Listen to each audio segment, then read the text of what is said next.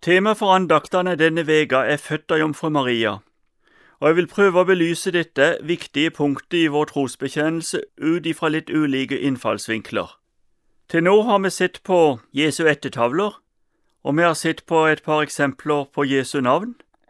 Og i dag, i dag har jeg lyst til å fokusere på hva Jesus sjøl sier om hvem han er, knytta til et utvalg av bibelske fortellinger om møter mellom Jesus og menneskene han levde og virka iblant.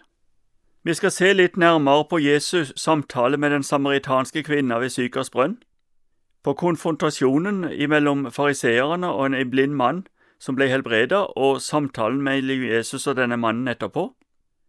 Og vi vil se på Jesus' svar til jødene i rettergangen som leder til korsfestelsen.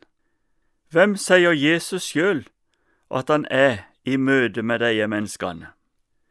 La oss først gå til møtet mellom Jesus og kvinna ved Sykars brønn. Denne samaritanske kvinna, hun kom altså til brønnen for å hente vann. Og det var midt på dagen, i solsteigen, og jeg har mange ganger tenkt at kvinna hadde valgt tidspunktet for å unngå å treffe noen. Hun levde et liv som hun nok ikke var særlig stolt av, for i samtalen med Jesus så kommer det fram at hun har hatt fem menn, og følgelig så er den hun nå har, ikke hennes mann. Vi mennesker vi tenker ofte så fryktelig feil om hverandre, og vi kan tenke feil om denne kvinna òg. For hvem skulle ha trodd at denne kvinna hadde en helt klar og sann forventning knytta til Messias? Hun sier, Jeg vet at Messias kommer, han som kalles Kristus. Når han kommer, skal han forkynne oss alt. Johannes 4, 25. Legg merke til uttrykket jeg vet. Hun sier ikke jeg tror eller jeg antar, eller at noen tror eller noen antar. Hun har noe inni seg som gjør at hun vet, og derfor kan hun snakke på vegne av seg sjøl, og så blir måten hun uttrykker seg på deretter. Og spørsmålet til oss, til du og til meg, det blir jo, har vi en visshet som preger måten vi snakker på.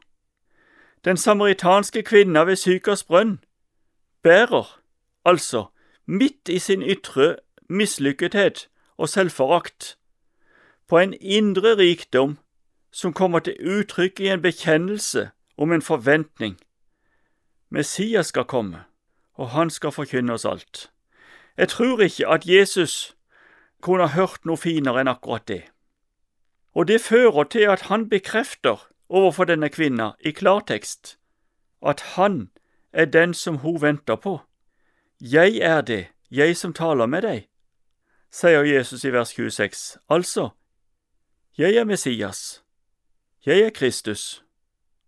Og resultatet av det hele, hos møtet med Jesus og hos visshet, det ble at Jesus ble værende syker i to dager og så var det mange som fikk høre hans forkynnelse. Og de kunne selv bekjenne, etter å ha hørt Jesus, det de visste. Vi har selv hørt, sier de, og vi vet at han, altså Jesus, i sannhet er verdens frelser. I Johannes 9 så leser vi om at Jesus helbreder en mann som var født blind.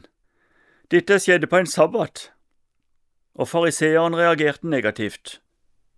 De beskriver egentlig kjernen av problemet i spørsmålet. Hvordan kan et menneske som er en synder, gjøre slike tegn? Johannes 9, 16. Noen av de anså dessuten helbredelsen for å være et brudd på budet om å holde sabbaten, og resultatet ble at de ble forvirra, og de ble uenige. Mannen som ble helbreda, han sier, dette er da merkelig, dere vet ikke hvor han er fra, enda han har åpnet øynene mine. Aldri fra verden ble til har en hørt at noen har åpnet øynene på en blindfødt. Var ikke denne mannen fra Gud, kunne han ingenting gjøre. Johannes 9, 32.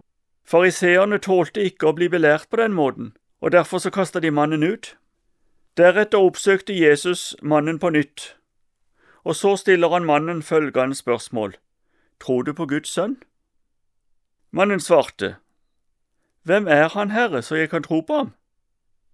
Jeg har hørt utsagn som at Jesus aldri sjøl bekreftet at han var Guds sønn. Kanskje har du òg tenkt de samme tankene, Og så kan du til og med kjenne på en tvil rundt dette. Jesus ble født av Maria, men ble han født av jomfru Maria? Dersom du er i tvil om Jesus noen gang selv bekrefter at han er Guds sønn, så må du huske på det vi nå har lest og sett. Og så må du huske på denne bibelhenvisningen her. Det er Johannes 9, 35-36. Jesus svar til mannen, det er, Du har sett ham. Han som taler med deg, han er det. Av sammenhengen i Johannes 9 så er det helt tydelig og klart at Jesus sier til mannen at nå har du sett Guds sønn, det er Guds sønn du snakker med. Et springende punkt i rettergangen mot Jesus, sånn som vi leser om det i evangeliene, det var ikke hva Jesus hadde gjort først og fremst. Verken Pilatus eller Herodes fant noen skyld hos ham, står der. Det virkelig springende punkt i rettergangen mot Jesus, ja, gjennom hele Jesu jordliv, det var hvem han var. Fariseerne og de skriftlærde de hadde store problemer med Jesus. Det var fordi han talte med myndighet og ikke som de skriftlærde, står der. Han gjorde tegn og under, og de kunne si at aldri fra verden ble til, har en hørt at noen har åpnet øynene på en blindfødt. Han bekreftet at han var Guds sønn og dermed Gud. Det som er født av kjød, er kjød, og det som er født av ånd, er ånd, sa Jesus til Nikodemus. Og midt i alt dette så omtaler han gang på gang seg sjøl som menneskesønnen. Dette spissa seg til mellom Jesus og de skriftlærde og fariseerne, like til korsfestelsen. De sa da alle, altså eldsteråd og ypperste presten og de skriftlærde, du er altså Guds sønn? Jesus svarte, dere sier det, jeg er det. Da sa de, hva skal vi nå med vitnesbyrd? Vi har jo selv hørt det fra hans munn. Lukas 22, 70-71 det at Jesus var født av jomfru Maria, førte ham like til døden på korset. Ja, det var Guds plan. Visst var det det. Men òg jødene bekrefter til fulle at det var spørsmålet om hvem Jesus var, som virkelig satte sinnene i kok hos deg. Du har lyttet til Over en åpen bibel, og andakten var ved tidligere misjonær og fritidsforkynner Knut Olav Raen. Denne serien produseres av Norea Mediemisjon. Besøk oss gjerne på våre nettsider norea.no. Vi minner om at forbundstelefonen vår er åpen hver fredag mellom klokka 9 og klokka 11.